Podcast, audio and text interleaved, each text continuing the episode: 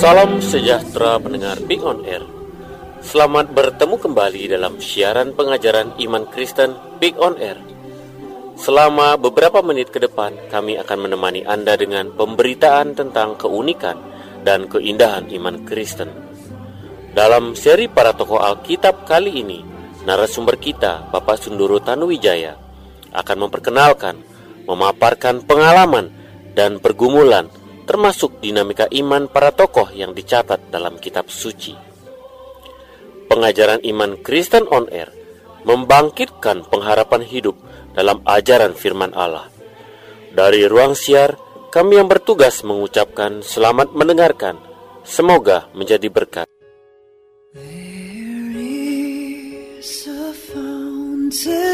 Filled with blood drawn from man mule's face and see.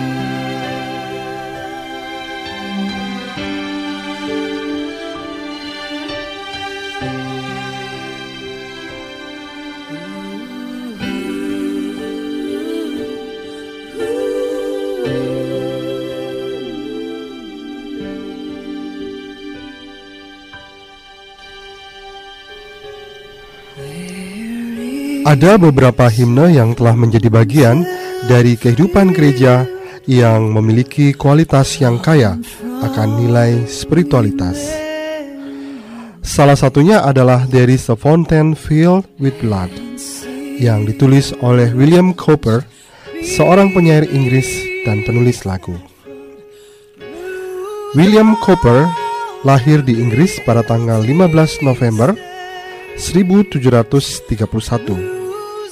Dia sangat beruntung karena dilahirkan di rumah seorang pendeta Inggris, sementara ibunya berasal dari keluarga termuka di Inggris. Sebagai seorang anak, Cooper dididik di sekolah swasta dan di Westminster School. Kemudian dia mendapatkan gelar sebagai ahli hukum. Dengan gelar tersebut, ia kemudian lulus ujian lalu mendapatkan lisensi untuk praktek sebagai pengacara di pengadilan yang lebih rendah dari sistem peradilan di Inggris. Terlepas dari segala prestasi intelektualnya, William Cooper mengalami kelemahan fisik dan emosional. Dia sangat sensitif di sepanjang masa kecilnya.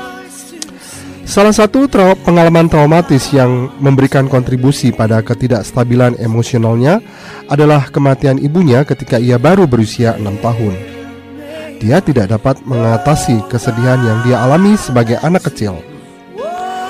Hal tersebut mengantui kehidupannya sepanjang hidupnya. Dia tidak pernah berhenti berduka untuk kematian ibunya. Meskipun ia lulus ujian hukum dan berlisensi sebagai pengacara, tapi dia memiliki gangguan mental yang tidak pernah pulih. Akibatnya, dia tidak pernah menjadi pengacara,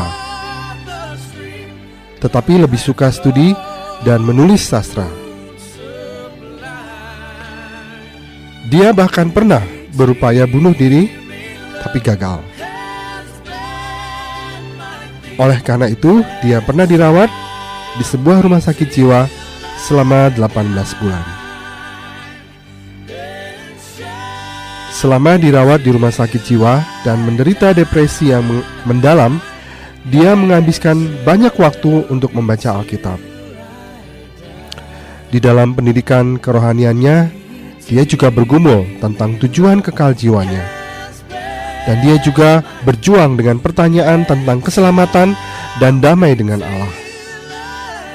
Suatu hari saat membaca kitab Roma, ia berhadapan dengan kata-kata Rasul Paulus di dalam Roma 3 ayat 23 sampai 25.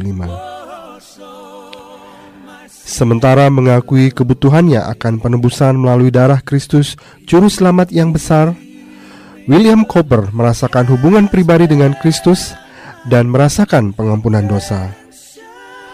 Pada saat itulah dia bertobat di usia 30 tahun pada tahun 1764. Setelah pemulihan atas depresi mental, William Cooper tinggal di rumah seorang penginjil yang bernama Morley Yunwin. Di sana ia menerima dorongan spiritual dan perawatan yang sangat sabar di tangan pendeta Yunwin dan istrinya Mary. Setelah lima tahun, pendeta Yunwin pun meninggal. Lalu atas saran pendeta John Newton, Ibu Yunwin, janda pendeta Yunwin, memutuskan untuk bersama keluarganya pindah ke Olney, Inggris. William Cooper pun diajaknya. Mereka kemudian menjadi gereja mereka kemudian menjadi jemaat gereja Anglikan yang digembalakan oleh pendeta Newton yang merupakan penulis himne Amazing Grace. Newton dan Cooper keduanya adalah penyair yang sangat berbakat dan penulis dari puisi-puisi rohani. Perpaduan dan upaya kreatif mereka menghasilkan Olney Hymns yang terkenal. Buku himne yang berisikan 349 himne ini menjadi salah satu kontribusi paling penting di dalam ibadah dan musik gerejawi di kalangan kaum Injili. William Cooper menulis himne ini ketika ia tinggal di Olney di dalam perawatan Ibu Yunwin dan inspirasi spiritual dari pendeta John Newton himna yang bersaksi tentang perdamaian akhir dengan juru selamatnya berdiri sebagai suatu monumen untuk kasih karunia Allah yang berdaulat. Himna ini ditulis ketika Cooper duduk sendirian di meja di rumah kecilnya. Segera dalam pikirannya ia mulai menggerakkan pena di bawah inspirasi Roh Kudus dan dengan kata-kata dari Nabi Sakaria. Tuhan berkata, Ketika saya melihat darah, saya akan lewati daripada kamu.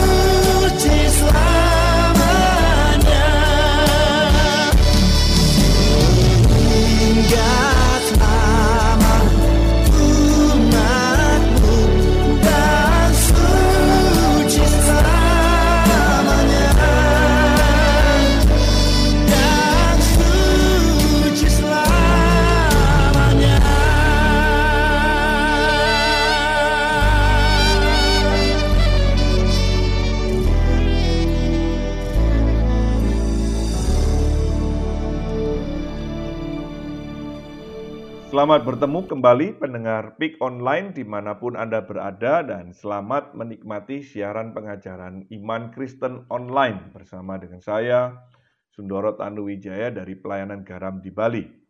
Program PIK Online ini memberikan satu khotbah seri tentang para tokoh-tokoh di Alkitab dengan pendekatan yang memahami bagaimana pengalaman pergumulan dan dinamika iman mereka bersama dengan Tuhan, dan kiranya nama Tuhan kita Yesus Kristus dipermuliakan. Kita akan melihat bagian daripada Ayub ujian relasi, ya, ujian relasi. Saya mengajak kita melihat di dalam Alkitab kita, membuka Alkitab kita di dalam Ayub pasal yang kedua.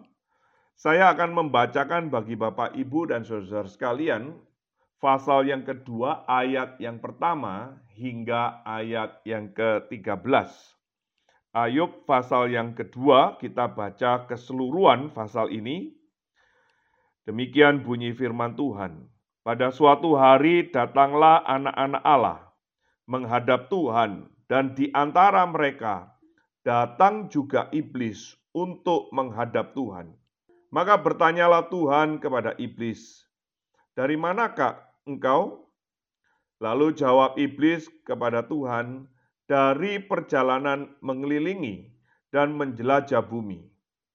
Firman Tuhan kepada iblis, "Apakah engkau memperhatikan hambaku Ayub? Sebab tiada seorang pun di bumi seperti dia yang demikian saleh dan jujur, yang takut akan Allah dan menjauhi kejahatan. Ia tetap tekun dalam kesalehannya, meskipun engkau telah membujuk aku melawan dia dan mencelakakannya tanpa alasan. Lalu jawab iblis kepada Tuhan, "Kulit ganti kulit, orang akan memberikan segala yang dipunyainya, ganti nyawanya. Tetapi ulurkanlah tanganmu dan jamalah tulang dan dagingnya. Ia pasti mengkutuki engkau di hadapanmu. Maka firman Tuhan kepada iblis, Nah, ia dalam kuasamu, hanya sayangkan nyawanya. Kemudian iblis pergi dari hadapan Tuhan, lalu ditimpanya Ayub dengan bara yang busuk dari telapak kakinya sampai ke batu kepalanya. Lalu Ayub mengambil sekeping beling untuk menggaruk-garuk badannya, sambil duduk di tengah-tengah abu. Maka berkatalah istrinya kepadanya, Masih bertekunkah engkau dalam kesalehanmu? Kutukilah alamu dan matilah. Tetapi jawab Ayub kepadanya, Engkau berbicara seperti perempuan gila apakah kita mau menerima yang baik dari Allah, tetapi tidak mau menerima yang buruk? Dalam kesemuanya itu, Ayub tidak berbuat dosa dengan bibirnya. Ketika ketiga sahabat Ayub mendengar kabar tentang segala malapetaka yang menimpa dia, maka datanglah mereka dari tempatnya masing-masing, yakni Elifas, orang Teman, dan Bildad, orang Sua, serta Sofar, orang Naama. Mereka bersepakat untuk mengucapkan bela sungkawa kepadanya dan menghibur dia. Ketika mereka memandang dari jauh, mereka tidak mengenali, mengenalnya, tidak mengenalnya lagi. Lalu menangislah mereka dengan suara nyaring. Mereka mengoyakkan jubahnya dan menaburkan debu di kepala terhadap langit. Lalu mereka duduk bersama-sama dia di tanah selama tujuh hari tujuh malam. Seorang pun tidak mengucapkan sepatah kata kepadanya, karena mereka melihat bahwa sangat berat penderitaannya. Pembacaan firman Tuhan sampai di sini, saya mengajak kita masuk di dalam doa. Mari kita berdoa. Bapa di dalam surga, kami bersyukur Jikalau sekali lagi malam hari ini Tuhan beri kami kesempatan belajar daripada firman-Mu. Tenangkan dan teduhkan hati kami ya Tuhan, saat-saat ujian yang Tuhan nyatakan di dalam hidup kami ini, saat-saat pembentukan yang Tuhan kerjakan di dalam hidup kami ini, saat-saat kami tidak mengerti apa yang sedang terjadi di dalam kehidupan kami ini, dan kami kadang merasa itu terlalu berat. Kami merasa itu terlalu membebani kami. Tapi sekali lagi kiranya firman-Mu menguatkan dan meneguhkan setiap kami. Sekali lagi kami mohon urapan kuasamu atas hambamu yang kau tahu siapa dia, dan atas setiap kami yang adalah umatmu, milikmu, ketebusan. Mari Tuhan berkati perenungan kami malam hari ini. Di dalam nama Tuhan kami Yesus Kristus, kami memohon kami berdoa. Amin. Amin. To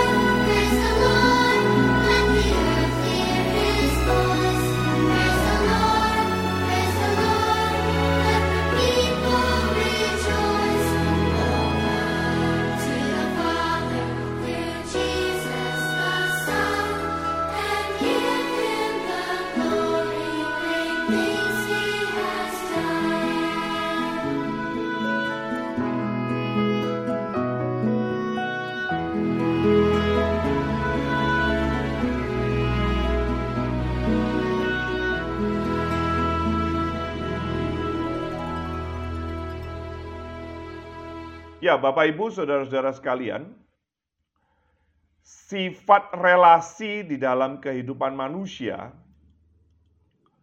itu merupakan natur, natur manusia, yaitu selalu berhubungan, berelasi, dan berkomunikasi dengan manusia.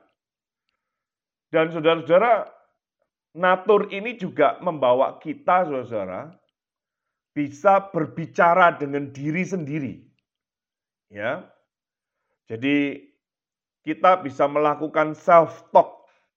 Saudara sambil nulis, saudara sambil mendengarkan pemberitaan firman malam hari ini, saudara juga sambil berkata-kata dalam batin saudara masing-masing. Nah, itu yang disebut dengan self talk. Jadi sifat relasi manusia itu atau sifat sosial daripada manusia itu membawa akhirnya kita tidak bisa hidup sendiri. Kita perlu orang lain, saudara. Kita perlu orang lain. Tetapi, saudara, saudara dan saya perlu menyadari bahwa sifat relasional itu yang memungkinkan manusia berkomunikasi dengan pribadi-pribadi yang lain, tetapi tidak sedikit juga membawa konsekuensi dan kita perlu sadari itu. Konsekuensi daripada manusia yang bersifat relasional itu, saudara, membawa kita atau menemukan kita apakah dia kawan atau lawan. Dia orang yang membawa damai atau justru mengakibatkan perang. Karena ini saudara. Nah saudara ketika kita berelasi dengan seseorang, berkomunikasi dengan seseorang, kita bisa timbul rasa kasih. Kita bisa timbul satu apa? sikap mengasihi. Tetapi itu juga sisi yang lain bisa membuat kita itu benci sekali dengan orang tersebut. Jadi bisa mengasihi tetapi juga sekaligus bisa membenci, saudara. Konsekuensi yang lain, saudara, ketika saudara berelasi dengan seseorang, ada orang itu yang relasinya setia, dia setia, setia. Setia, Bahkan ada yang berjanji setia itu sampai mati. Tetapi saudara-saudara yang kita temukan, ada juga yang berkhianat. Jadi kita akan menemukan itu saudara. Dan ketika kita berelasi saudara, kita akan menemukan juga bisa antara bersatu atau bercerai. Ya. Saudara bisa menemukan satu keramaian atau saudara justru menemukan kesepian. Ketika kita sendiri, saudara ya, kita sering mengadakan self-talk, itu bisa jadi membuat kita makin depresi, saudara. Dan tidak sedikit akhirnya orang betul-betul self-talk selalu gitu ya, akhirnya ngomong sendiri gitu ya. Ada persoalan di dalam kepribadian itu. Dan ketika kita bicara relasi atau sifat relasional manusia itu juga bisa membuat satu perbedaan pendapat. Nah, ini saudara. Maka relasi ini bisa sampai demikian itu karena apa? Ada distorsi relasi. Alkitab mengatakan ada fakta dosa. Fakta dosa sehingga relasi yang kita miliki itu mengalami distorsi sehingga menemukan kekacauan demi kekacauan di dalam kenyataannya. Sejak kejatuhan manusia, jarak antara subjektif dan objektif itu menjadi lebih jauh sekali, saudara. Menjadi bukan cuma berjarak jauh, tetapi terbalik. Terbalik, saudara. Menjadi rancu Siapa menyembah siapa, siapa yang disembah, siapa yang menjadi kawan, siapa yang menjadi lawan, siapa yang setia, siapa yang mengkhianat, siapa yang menghibur, dan siapa yang dihibur. Nah nanti kita akan menemukan ini relasi yang dihadapi oleh Ayub, saudara. Dan Ayub mengalami ujian relasi ini, saudara. Tadi kita sudah membaca nanti Sampai istrinya, istrinya itu mengatakan itu orang yang berjanji setia sampai mati, saudara. Nanti kita akan bahas. Istrinya mengatakan, sudah yuk kamu buat apa saleh-saleh. Dia justru memprovokasi. Kamu kenapa masih berrelasi dengan Tuhan? Sudah, sudah kamu sudah kutuk itu mati sudah. Nah ketika mati relasinya dia putus, Seolah-olah dia relief begitu. Nanti kita akan perhatikan itu. Maka yang mutlak jadi relatif, yang relatif jadi mutlak. Mana yang dipertahankan, mana yang dilepas itu jadi kacau. Jadi kacau. Karena yang namanya distorsi relasi. Nah, saya mengingatkan kembali, saudara, mengingatkan kembali bagaimana kondisi yang dihadapi oleh Ayub, saudara. Kondisi yang dihadapi oleh Ayub itu tidak mudah. Kalau Bapak Ibu Saudara-saudara perhatikan itu, itu wah luar biasa hantamannya Saudara ya. Duka yang bertubi-tubi ya di hari yang sama begitu ya. Lalu Alkitab memberikan juga data bahwa dia kena apa? Bara yang busuk dari telapak kakinya sampai batu kepalanya. Itu, wih saudara-saudara, gimana itu ya? Bara yang busuk. Rasa gatal itu iritasi yang tak terbayangkan itu. Sampai garuknya aja pakai beling. Itu saking apa ya? Sakitnya, saking sudah nggak gatel lagi itu, saudara. Iritasi. Gangguan mental. Kita sudah lihat pasal 3 ayat 26. Dia kehilangan nafsu makannya. Dia tidak bisa tidur, insomnia. Kulitnya hancur dan berulat. Oh, sudah. Sudah kena bara yang busuk, ada ulatnya. Dia mengalami halusinasi. Ini ini kondisi yang sedang dialami oleh Ayub ini, saudara. Tidak diperhitungkan, tidak dipandang lagi. Temannya saja sampai lihat tidak ngenalinya lah. Ini Ayub kah? Tidak ngenali lagi, saudara. Tidak ngenali lagi. Bahkan mereka bukan cuma tidak, mereka terharu, nangis, saudara. Nangis itu temannya. Dan mereka ikut bersedih, mereka ikut ber, apa, mengkoyakkan jubahnya. Sangat terhina. Badannya sangat kurus sampai dikatakan itu seperti apa? Kulitnya hanya menempel di tulang. Rasa nyeri yang menusuk tulang, kulitnya menjadi hitam lebam, demam yang begitu menggigil. Ini kondisi yang dihadapi oleh Ayub. Jadi saudara-saudara saat pengalaman dalam kesulitan yang begitu besar, ini ujian yang ampuh dari relasi, saudara. Relasi apa saja. Malam hari ini kita akan lihat. Kita hidup, saudara. Ya, yang pertama ya. Kita hidup di zaman yang ukurannya itu selalu keberhasilan, saudara. Kita sekarang itu ada hidup di zaman yang dihitung itu keberhasilan, prestasi, achievement, Baru kita mempunyai teman dekat. Tetapi saudara, apa yang dihadapi oleh Ayub itu berbeda. Nah yang pertama saudara, ujian yang dihadapi oleh Ayub. Yang pertama itu adalah secara vertikal relasinya dengan Tuhan. Relasinya dengan Tuhan. Kalau saudara perhatikan, sebelum segala malapetaka menimpa dirinya, itu dikatakan Ayub itu orang yang saleh. Orang yang jujur.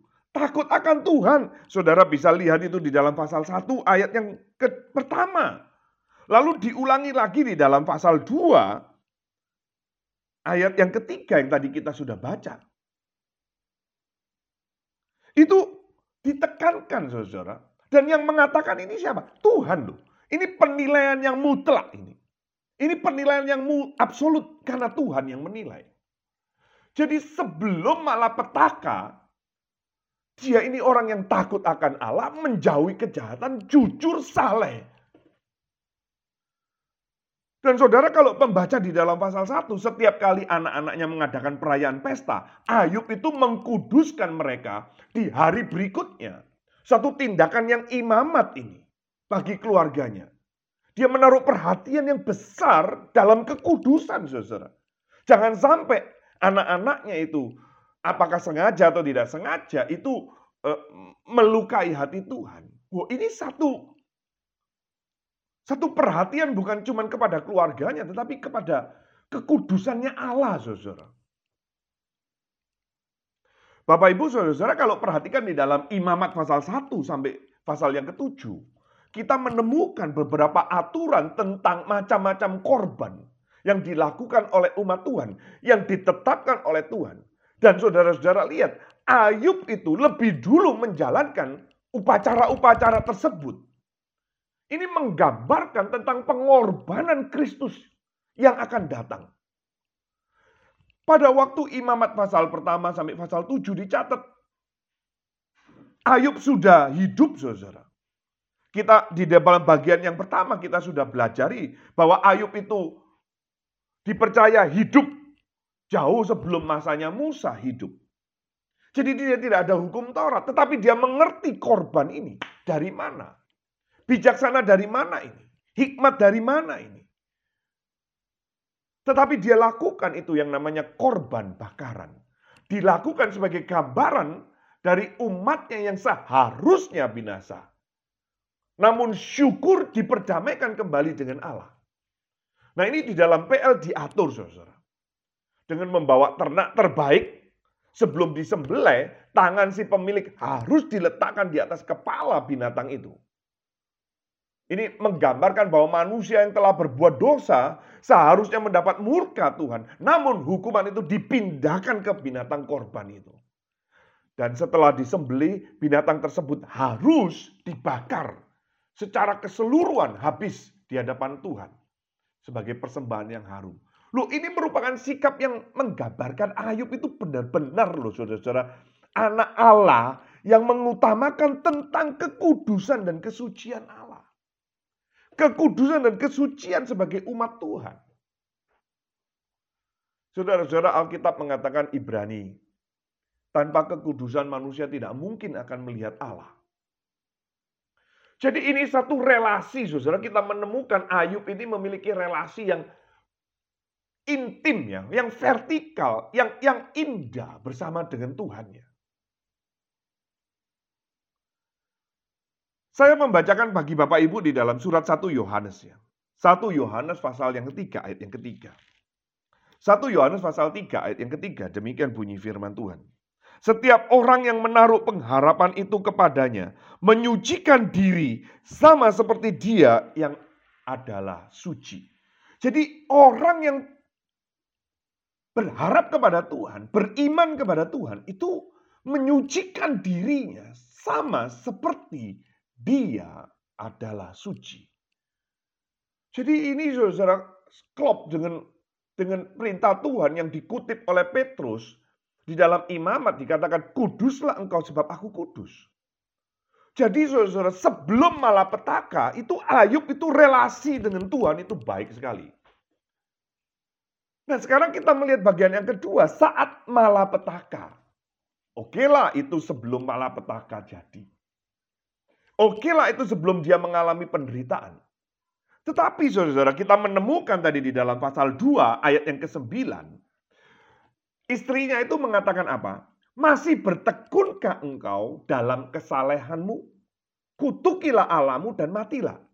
Kita menemukan di sini berarti secara tersirat jelas sekali saat Ayub mengalami kesulitan penderitaan itu, dia masih bertekun dalam kesalehannya.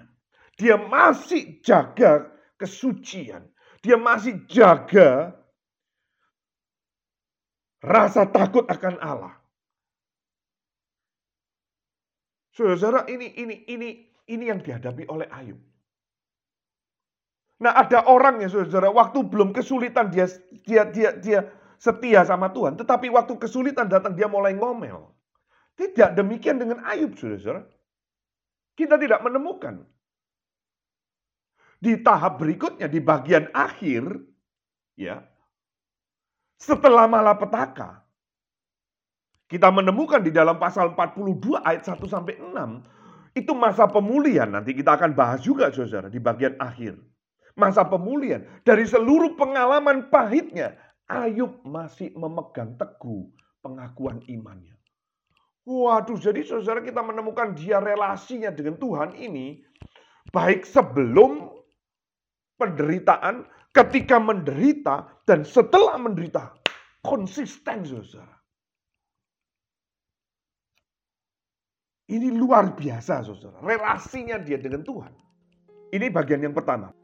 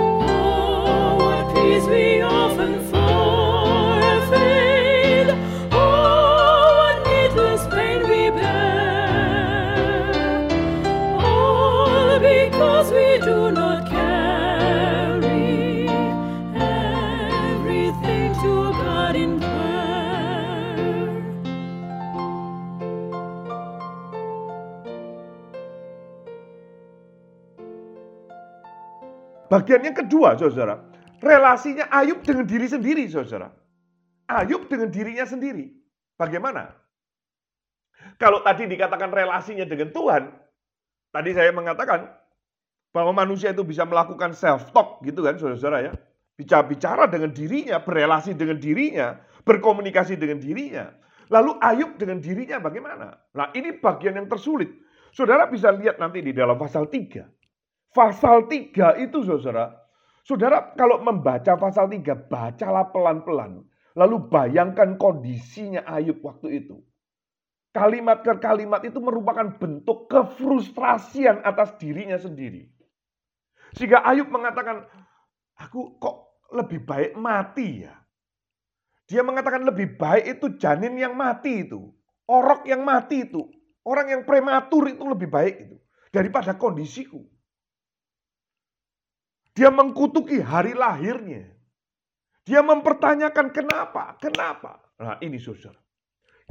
Kalau tadi dengan Tuhan, sekarang dengan dirinya sendiri. Ada bentrokan saudara, ada konflik. Bapak ibu saudara-saudara sekalian ya. Alkitab mengajarkan bahwa dalam kondisi yang tersulit, dalam kondisi yang tersulit di dalam kehidupan manusia, akan muncul satu pergumulan dari dalam dirinya sendiri. Saudara-saudara, ketika kita menghadapi kesulitan itu kadang-kadang diri sendiri yang tidak bisa menerima. Diri sendiri bisa mempersalahkan diri sendiri. Diri sendiri bisa mengkutuki diri sendiri. Diri kita sendiri di dalam diri kita akan mempersalahkan, menuduh, bahkan mempertanyakan hari kelahiran kita sendiri, saudara.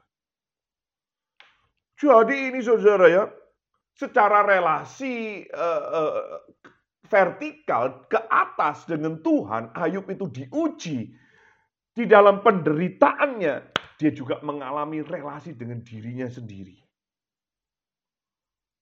Nah, mari kita lebih lihat lagi secara horizontal, saudara. Bagian yang ketiga. Bagian yang ketiga ini. Ayub akan mengalami relasi yang ini boleh dikatakan intern, tapi juga ekstern. Ini bisa dikatakan relasi internal karena dengan istri sendiri. Tetapi juga bisa dikatakan eksternal karena apa? Itu di luar dirinya Ayub. Jadi saudara-saudara, Ayub mengalami ujian relasi dengan vertikal, dengan Tuhan, dengan dirinya sendiri. Tetapi istri ini, nah ini istri ini saudara. Ayub dengan istri ini, saudara. Ini menjadi menjadi fokus kita malam hari ini. Nanti di dalam pertemuan berikutnya itu saya akan membahas mengenai ujian relasi sahabat, saudara. Ujian seorang sahabat itu lebih luar lagi, yaitu dengan sahabat-sahabatnya Ayub itu ada tiga orang, ya. Yang dicatat di sini ada tiga orang, saudara. Tetapi nanti di bagian-bagian terakhir itu ada empat orang. Di sini disebutkan ada Elifas, Bildad, Sofar. Nanti di bagian pertengahan muncul yang namanya Elihu, yang lebih muda, yang paling muda daripada yang lain. Yang paling tua itu Elifas. Jadi ada empat orang sahabatnya Ayub itu. Ini bagian luar, ini eksternal itu. Nah ini di pertemuan berikut yang akan saya bahas.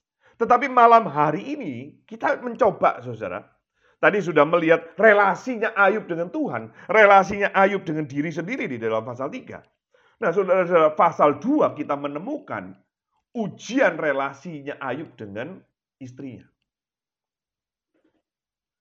Jika kita memperhatikan, saudara ya, kalau kita perhatikan dengan seksama apa yang dialami, yang dialami oleh Ayub ini, saat masih kejayaannya dibandingkan dengan saat dia mengalami kesulitan besar, itu tidak mudah bagi sosok istrinya. Kalau saudara memposisikan istrinya Ayub, itu juga tidak mudah loh saudara. Tidak mudah. Dulu melihat suaminya bagaimana, sekarang lihat suaminya begini. Itu tidak mudah. Secara umum itu kita bisa memahami. Maka tidak heran sampai muncul ucapan istrinya kepadanya, masih bertekunkah engkau dalam kesalehanmu? Kutukilah alamu dan matilah. Kalau secara umum kita bisa no, bisa kita bisa menerima saudara, kita masih bisa menyadari itu. Sekilas hal ini menjadi permakluman gitu. Saudara, bisa maklum karena mungkin saja istrinya itu ya saudara mana mana tahan, mana bisa melihat apa ini? Satu satu kesulitan besar yang dialami oleh suaminya yang begitu luar biasa. Ini kondisi yang apa? Tidak wajar, saudara. Ini kondisi yang tidak normal. Maka wajar, maka normal ketika dia mengatakan ya sudah lah yuk. Kamu kenapa masih, masih pegang kesalehanmu, kamu masih pegang kekudusanmu, kamu masih setia sama Tuhan. Ya sudahlah, mati saja. Nah saudara-saudara, apakah persoalannya demikian sederhana? Nah mari kita menemukan pelajaran yang penting dari istri Ayub. Yang pertama, yang pertama. Saudara kita melihat dari pelajaran penting istri Ayub ini adalah istri Ayub tidak melakukan perannya sebagai penolong yang sepadan. Dia tidak melakukan perannya yang sebagai penolong yang sepadan. Saat Allah menciptakan Hawa, maka perannya semakin menjadi penting bagaimana dan untuk Adam karena Allah sendiri yang berkata bahwa tidak baik dan Allah sendiri juga yang mengatakan posisinya Hawa itu adalah sebagai penolong yang sepadan. Maka bukankah peran ini justru yang dibutuhkan oleh Ayub di saat-saat kondisi yang begitu berat?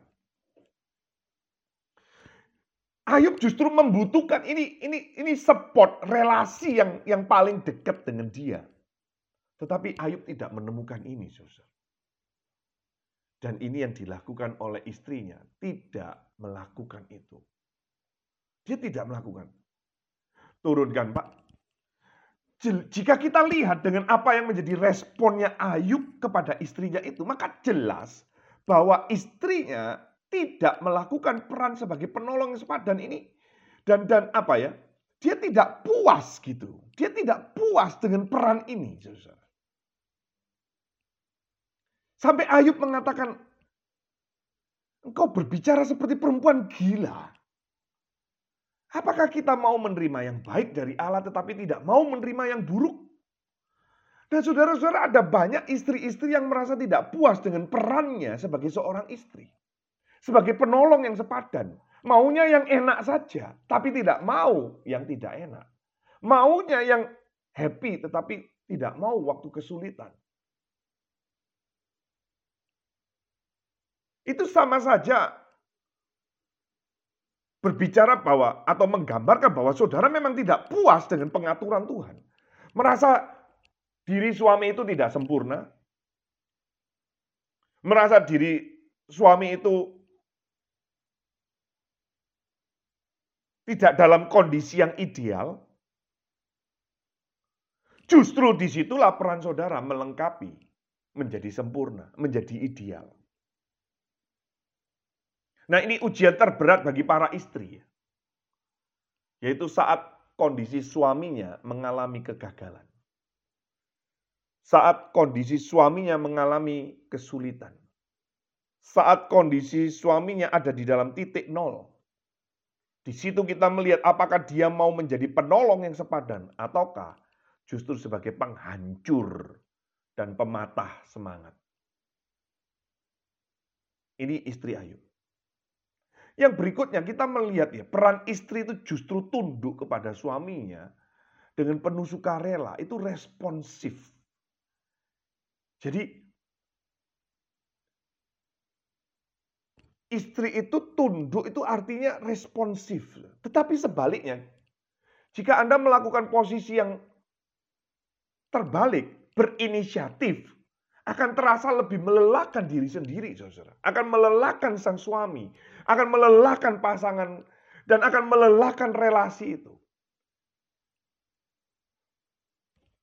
Wanita atau istri itu dicipta oleh Tuhan, ditaruh di posisi yang memang re, lebih responsif, saudara. bukan yang mengambil inisiatif. Nah ini merupakan gambaran, saudara. Gambaran bagaimana Kristus dengan umatnya. Kristus sebagai mempelai laki-laki, umatnya sebagai mempelai wanita. Gereja itu harus responsif, bukan berinisiatif. Inisiatif sepenuhnya adalah Kristus sebagai kepala gereja. Kristus yang berinisiatif atas jemaatnya.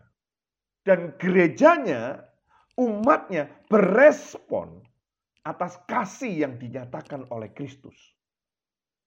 Nah inilah kecantikan saudara seorang wanita. Inilah wanita itu akan menjadi ter, lebih menarik kalau dia itu lebih responsif. Tetapi wanita-wanita yang lebih banyak inisiatif itu saudara-saudara biasanya justru tidak menarik. Tidak menarik, justru mendatangkan kekacauan-kekacauan. Nah ini menarik ya saudara kalau diamati. Kalau saudara uh, uh, uh, uh, kalau saudara bandingkan ya, by the way saya itu uh, dulu cita-citanya itu dokter hewan saudara ya. Saya itu pengen jadi dokter hewan. Karena saya dari dulu itu suka mengamati binatang. Saya suka dengan binatang, saya suka dengan peliharaan, hewan-hewan itu saya suka sekali saudara. Dan kalau saudara perhatikan saudara, binatang-binatang itu, yang menarik itu selalu jantan. Yang cantik itu selalu jantan. Terbalik dengan manusia. Manusia itu beda sekali. Yang dikatakan cantik, yang selalu menarik itu siapa? Wanita. Kalau saudara lihat binatang, ayam, anjing, apa saja, itu yang menarik selalu apa? Jantannya, saudara. Jantannya itu. Merak itu jantan, saudara. Burung cendrawasih itu jantannya. Dia menarik dengan menari, dengan warna-warni yang luar biasa. Itu kelihatan cantik gitu. Ayam hutan. ya. Tetapi wanita itu beda, saudara. Wanita itu uh, uh, uh, justru menarik kalau dia itu responsif. Maka Bapak Ibu ya saudara, posisi kita atau posisi sebagai wanita itu akan lebih menarik kalau dia lebih responsif kepada pasangannya. Sehingga relasinya itu lebih lebih klop, sesuai. Nah, saudara-saudara menarik ya. Mari kita lihat di dalam 2 eh, 1 Timotius ya. Surat 1 Timotius pasal yang kedua. 1 Timotius pasal yang kedua, ayat yang ke-11 sampai yang ke-12, Saudara. Paulus memberikan satu gambaran itu yang menarik menarik sekali untuk kita kita perhatikan ya. Di dalam 1 Timotius 2 ayat 11 sampai ke 12. Saya bacakan bagi Bapak Ibu, demikian bunyi firman Tuhan ya. Ayat 11 sampai 12 pasal 2 1 Timotius. Demikian. Seharusnya lah perempuan berdiam diri dan menerima ajaran dengan patuh. Saudara bilang, seharusnya perempuan berdiam diri dan menerima ajaran dengan patuh. Lalu ayat 12 saudara perhatikan ini. Aku tidak mengizinkan perempuan mengajar dan juga tidak mengizinkan memerintah laki-laki. Hendaklah ia berdiam diri. Nah ini menarik saudara. Paulus mengkaitkan antara berdiam diri dengan kepatuhannya. berdiam diri dengan kepatuhannya. Ini sulit bagi pribadi wanita atau istri karena secara alamiah mereka itu melihat hal-hal yang kelihatannya itu ditanggapi secara negatif. Wanita tuh minta maaf ya, jangan tersinggung ya saudara. Ini, ini, ini kenyataannya. Wanita itu kalau lihat itu selalu lebih banyak dari sisi negatifnya. Kalau pria itu lebih ke rasional, wanita itu lebih perasaan dan biasanya selalu negatif aja. Negatif aja. Saudara lihat ya. Yang suka gosip-gosip itu biasanya apa? Wanita kan. Kalau ada pria yang suka gosip-gosip itu kan selalu di, di, di, di apa? Di labelin, ah kamu kayak kamu kayak kamu kayak wong wedok, kamu kayak wanita saja gitu. Kayak kamu kayak perempuan gitu ya. Karena apa? Negatif saja pikirannya. Ya, selalu pikirannya negatif. Terus suka apa ya? Uh, uh, uh, nambah-nambahi gitu ya. Nah, saudara lihat itu kejadian pasal 3 1 sampai 6 itu Itu Hawa itu kan menambah-nambahi larangan Tuhan yang mempersempit kebebasan yang Allah berikan kan. Ditambah-tambahin kan. Dan menariknya di kejadian 3 ayat 16, setelah itu, setelah kejadian mereka eh, tidak taat, saudara, dikatakan Tuhan menambahkan kesusahannya dalam melahirkan. Perempuan itu ditambahkan kesusahannya dalam hal melahirkan. Nah ini menarik saudara. Kalau saudara kaitkan ya antara antara uh, kejadian 3 ayat 5, uh, 3 ayat 16 tadi, Tuhan menambahkan kesusahannya kepada perempuan saat melahirkan. Loh, Paulus itu juga mengkaitkan itu saudara. Tadi kita kebaca ayat yang 11 12 ya. Coba saudara bacakan ayat eh, saya bacakan ayat yang ke-15 ya. Perhatikan. Tetapi perempuan akan diselamatkan karena melahirkan anak. Asal ia bertekun dalam iman dan kasih dan pengudusan dengan segala kesederhanaan. Nah, di sini menarik saudara ya.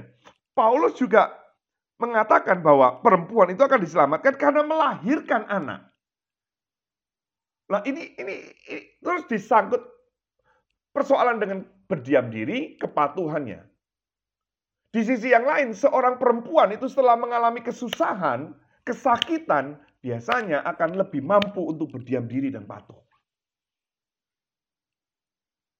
Ini menarik, Suster.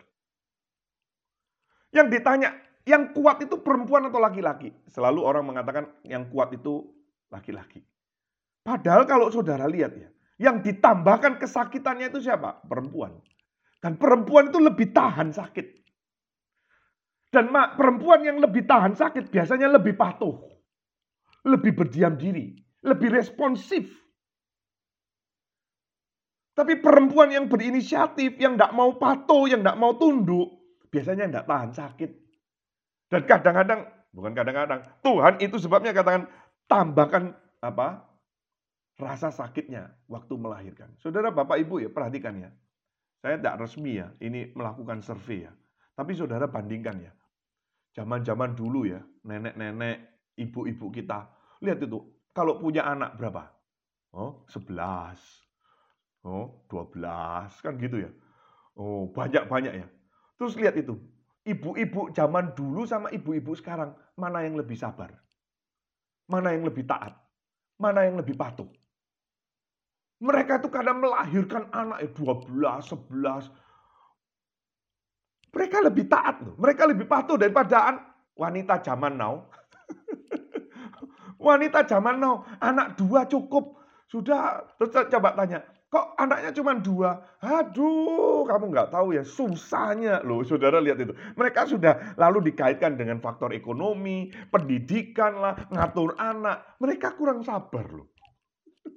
Nggak tahu saudara setuju atau nggak setuju sama saya. Tetapi ini realita. Realita. Dan saudara minta maaf ya kalau ada di antara saudara. Minta maaf kalau ada di antara saudara. Saya tidak berarti menyinggung, tapi ini fakta. Saudara yang tidak menikah, yang perempuan tidak menikah ya, saudara harus lebih hati-hati. Karena apa? Saudara tidak pernah merasakan kesakitan waktu melahirkan. Saudara tidak pernah merasakan waktu apa itu? Melahirkan. Lihat saudara-saudara ya. Maaf ya, maaf ya. Dengan segala hormat saya, saya minta maaf dulu ya. Wanita-wanita yang nggak menikah itu ya, susah diatur. Sakarep-karepe dewe. Mau-mau nih sendiri. Saudara, saya pernah menghadapi apa itu rekan kerja seperti itu, saudara. Ya, sampai orang itu selalu bisik-bisik, bisik-bisik katanya perawan tua. Jadi ya sudahlah maklum. Wih, itu kalau dikasih tahu itu susahnya tiga perempat mati, saudara. Tidak mau tunduk. Susah untuk tunduk. Dan selalu berinisiatif. Apalagi dia wanita karir. Dia sama-sama sama saya itu levelnya sama. Sama-sama manajer, kepala bagian. Jadi saudara ini ini menarik Alkitab itu sudah berbicara itu. Maka saudara, perempuan kalau kita perhatikan paling tidak takut sakit. Perempuan itu sebetulnya paling tahan dengan sakit. Perempuan itu paling tahan menderita. Tetapi kita menemukan istrinya Ayub. Kebalik saudara. Istrinya Ayub padahal punya anak sepuluh. Tapi ketika melihat kondisinya suaminya begitu dia mengatakan sudah Yub, Yub kenapa kamu masih memegang kesalahan? Sudah kutuki Tuhan dan matilah kamu. Wih, saudara-saudara. Saudara-saudara, perempuan itu selalu mengutamakan keamanannya. Perempuan itu selalu mengutamakan keamanan, sekuritas. Kalau cari jodoh, cari yang sudah punya kerjaan. Kalau kita punya anak, mau carikan jodoh juga kerjaannya apa, ya kan gitu ya selalu. Supaya apa? Anak perempuannya aman gitu ya. I, i, itu wajar, saudara. Tetapi kalau saudara lihat realita ya, perempuan-perempuan yang takut akan Tuhan itu jauh lebih tahan menderita mereka yang patuh, mereka yang tunduk, mereka yang takut akan Tuhan. Nah Alkitab mencatat saudara, Sarai, Sarai, istrinya Abraham, itu mengambil inisiatif kan, memberikan Hagar kepada Abraham. Yang memberikan Hagar kan Abraham, saudara, itu seperti kucing ditawarin apa? Ikan pindang. Kalau bahasa Bali itu mengatakan apa? Anjing ditawarin sosis. Ya mana menolak? Ya iya aja Abraham yang nawarin siapa? Sarah itu. Tetapi saudara lihat akhir hidupnya kacau, problem, kekacauan, penindasan. Dia akhirnya dihina sama siapa? Hagar. Hagar juga meng, ditindas oleh Sarai. Akhirnya diusir. Jadi Bapak Ibu ya saudara-saudara, khususnya yang ibu-ibu, khususnya yang wanita, Air mata seorang wanita, air mata seorang istri itu yang yang yang penuh penundukan itu itu powerful saudara. Itu itu menjadi satu kekuatan yang luar biasa. Itu men, itu bisa menjaga kehormatan suaminya. Itu satu kekuatan batin bagi rumah tangganya. Istrinya Ayub tidak. Yang ketiga, saudara. Peran seorang istri adalah sebagai pengasuh, pengayom, membesarkan seluruh anggota keluarganya. Tetapi Ayub ini, saudara, istrinya Ayub ini tidak mengayomi ini. Dia mengayomi Sundoro, iya pada waktu lagi mewah, lagi senang, lagi berada. Tetapi pada waktu lagi susah, Justru inilah kesempatan dia mengayomi. Justru kesempatan inilah dia mengasuh. Dia justru menguatkan. Itulah penolong. Itulah yang sepadan. Makanya saudara John Calvin mengatakan bahwa gereja itu adalah sebagai ibu. Gereja itu adalah sebagai ibu. Nah, saudara lihat itu di di di di di istilah-istilah umum itu ya ada kita mengenal ada namanya ibu kota. Ibu pertiwi. Kok nggak pakai bapak kota ya atau bapak pertiwi? Kenapa? Itu karena mengayomi, mengasuh. Keadaan yang bagaimanapun ya itu. Saudara lihat itu kesabaran yang mengasuh bayi itu siapa? Ibu-ibu atau bapak-bapak? Ibu itu lebih lebih lebih lebih punya hati, saudara. Nah ini posisinya istrinya Ayub. Dan John Calvin mengatakan itu sebabnya pakai istilah gereja itu adalah ibu. Ibu daripada jemaat. Dan itu adalah di dalam Alkitab dikatakan mempelainya Kristus.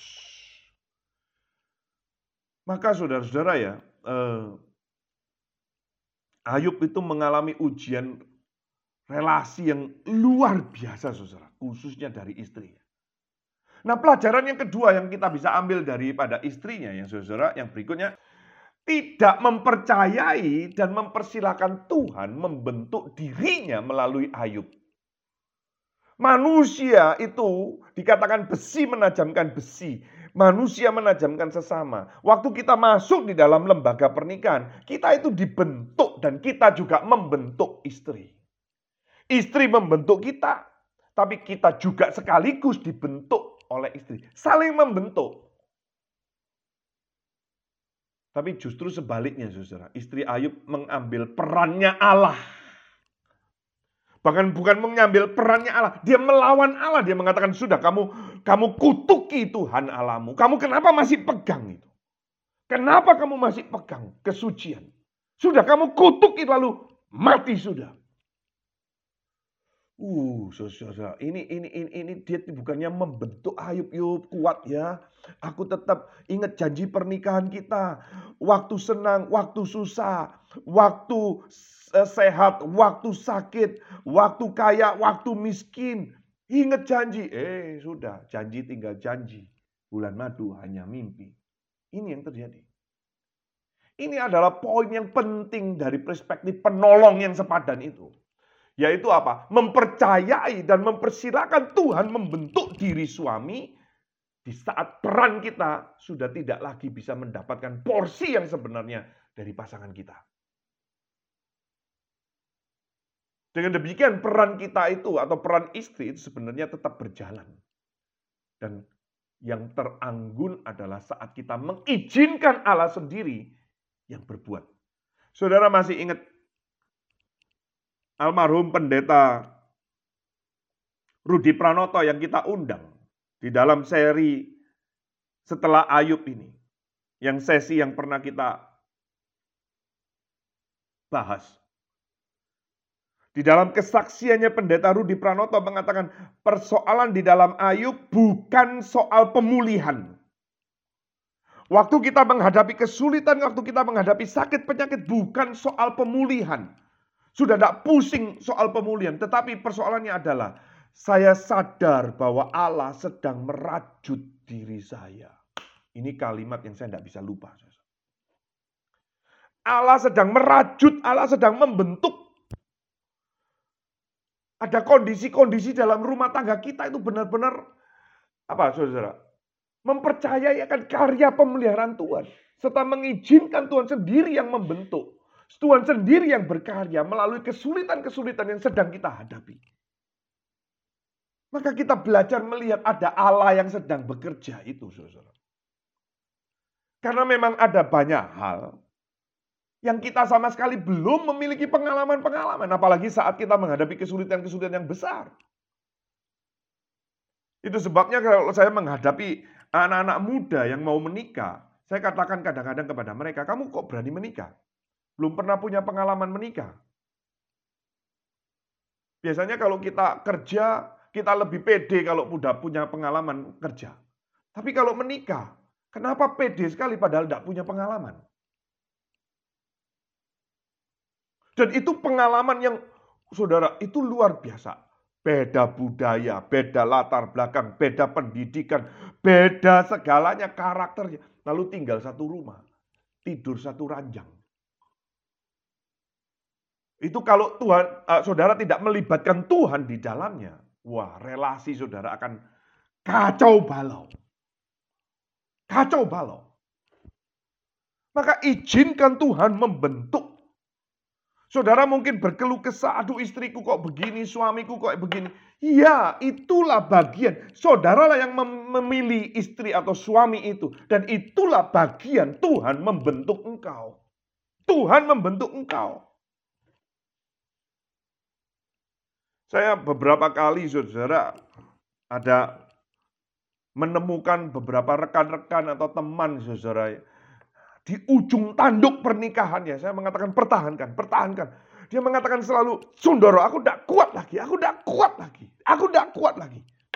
Saya juga tidak bisa ngomong, kamu harus kuat. Karena saya saya tahu itu sulit. Dan saya tidak mengalami itu. Saya hanya mengatakan mintalah kekuatan dari Tuhan.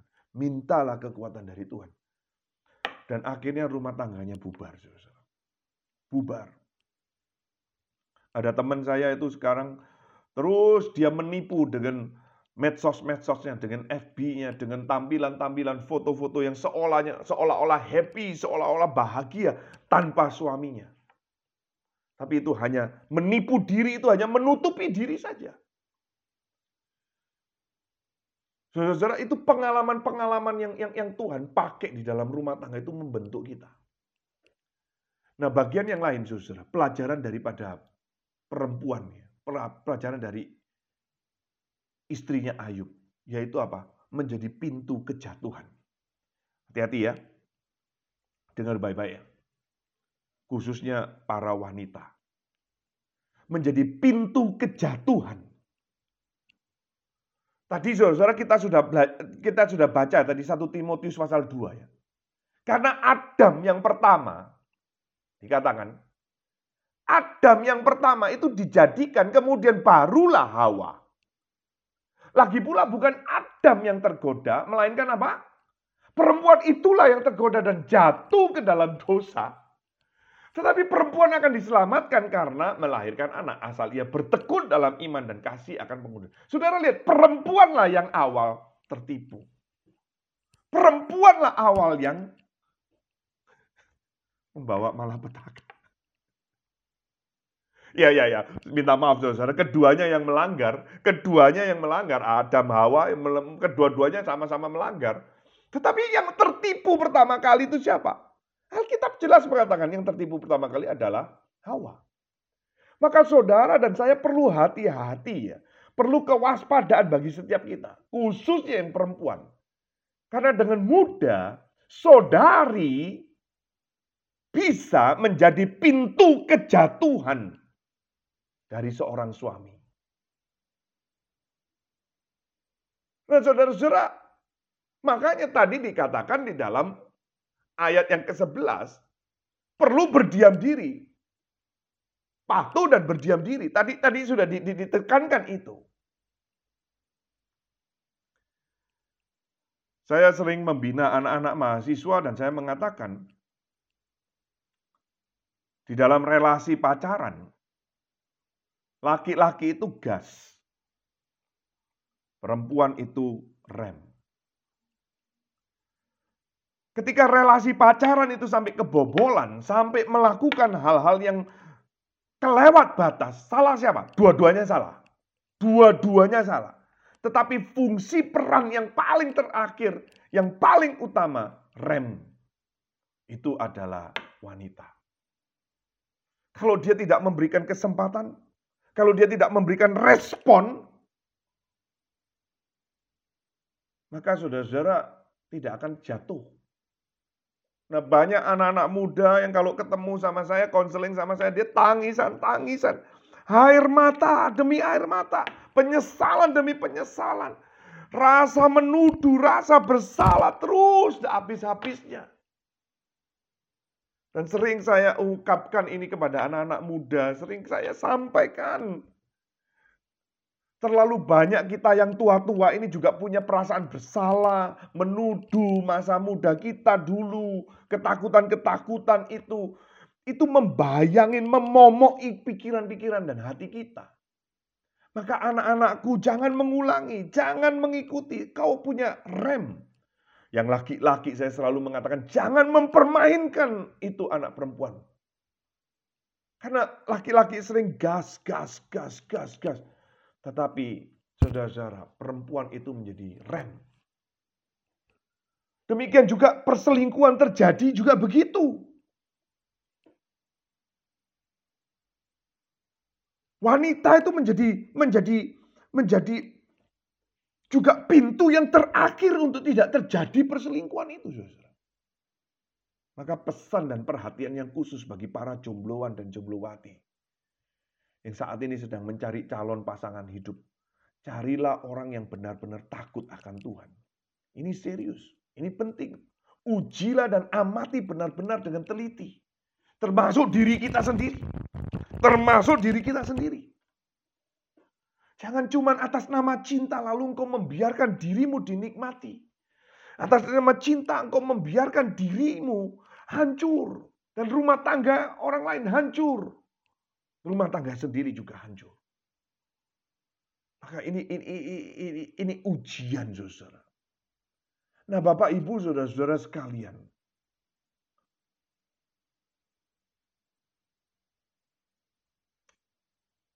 Ini Ayub adalah orang yang saleh dan jujur. Takut akan Allah. Menjauhi kejahatan. Dia adalah orang yang dikenal kaya, tetapi secara mendadak harus mengalami begitu luar biasa sulitnya. Bapak, Ibu, Saudara-saudara, ini gambaran Kristus. Gambaran Kristus. Tadi kita membaca di dalam pasal yang ke, ke, kedua Ayub, saudara, dikatakan tadi uh, uh, Allah sendiri yang mengatakan bahwa iblis berusaha untuk membujuk Allah tanpa alasan, memberikan penderitaan yang tanpa alasan. Pasal 2 ayat yang ketiga. Meskipun engkau telah membujuk aku melawan dia, mencelakakannya tanpa alasan. Saudara, Bapak, Ibu, saudara sekalian, jika Ayub mengalami pergumulan berat dengan dirinya sendiri, begitu Kristus, begitu juga dengan Kristus yang alami, sehingga dia serasa mau mati katanya. Waktu dia di taman Getsemani, dia mengatakan, aku serasa mau mati. Tidakkah engkau bisa bertahan sebentar aja bersama aku? Berdoa. Tapi murid-murid tidak ada yang tahan. Semuanya ngantuk. Yesus Kristus bukan saja dikhianati oleh para murid-muridnya. Dia ditinggalkan oleh para murid-murid. Tapi dia ditolak oleh umatnya. Bukan cuma ditolak oleh umatnya. Dia dimatikan. Disalibkan.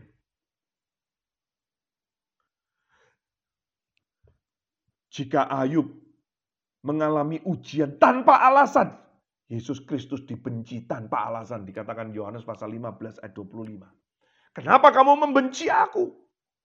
Kalau aku mengajarkan hukum Taurat, kalau aku ini uh, uh, kau kau anak Abraham, kenapa engkau membenci aku? Mereka membenci Kristus tanpa alasan. Yesus Kristus lakukan itu. Lakukan itu semua untuk apa? agar relasi kita dengan Allah, agar relasi kita dengan Bapa itu terbangun kembali, agar relasi kita yang terlepas, yang hancur akibat dosa itu, kita kembali mendapat keberanian menghadap tata hadiratnya Allah karena darah Kristus sudah tercurah. Apakah kita mau menerima yang baik dari Allah, tetapi tidak mau menerima yang buruk? Bapak, Ibu, saudara-saudara sekalian, melalui Kristus Yesus, kita menerima pendamaian, kemuliaan Allah, kelimpahan kasih karunia, bukan roh perbudakan, tetapi roh yang menjadikan kita anak Allah dan janji Allah menjadikan kita ahli-ahli warisnya. Dan dia adalah yang setia. Dia adalah Allah kita. Itulah Kristus. Itulah Kristus. Ini gambaran daripada Kristus. Dia merelakan meninggalkan surga mulia demi yang dikasih oleh Bapa yang juga dikasihi dia, yaitu saudara dan saya. Dia meninggalkan tahtanya yang mulia itu Demi kasihnya kepada engkau dan aku. Demi menemukan miliknya Bapa yang terhilang. Yaitu engkau dan aku. Sehingga engkau dan aku boleh memanggil dia Abba ya Bapa. Apakah yang Anda saat ini alami? Percayalah bahwa semuanya itu tidak akan pernah lewat dari perhatiannya Allah sendiri. Tetaplah percaya.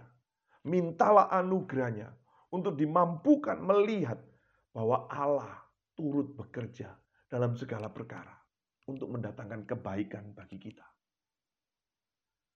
Dan Ayub, Ayub sebelum mengalami itu, saat mengalami dan setelah mengalami, relasinya tetap terus dengan Bapa, dengan Tuhan. Kristus akhirnya dia mengatakan, Bapa, aku sudah mempermuliakan namamu Kini muliakanlah aku seperti kemuliaan yang semula aku miliki di dalam Yohanes 17. Dan oleh sebab kepatuhannya, ketaatannya, kesalehannya, rasa takut yang bergantung kepada Bapaknya. Dia dimuliakan, ditinggikan, lebih tinggi dari segala nama. Dan satu kali satu hari, semua lutut akan bertelut. Semua lidah akan mengaku bahwa dialah Tuhan. Mari kita berdoa, Bapak Ibu. Tuhan, Bapa kami yang baik, yang mulia, yang agung. Mari Tuhan, ajar kami untuk tetap menjaga relasi kami dengan Engkau, karena putramu yang tunggal sudah memperdamaikan kami. Dan biarlah Tuhan terus menjaga kami, sehingga roh kudusmu yang tinggal bersama dengan kami itu terus membawa kami makin dekat, makin percaya, makin beriman, makin membiarkan Allah membentuk kami. Makin jadi rencana dan kehendakmu di dalam kehidupan kami.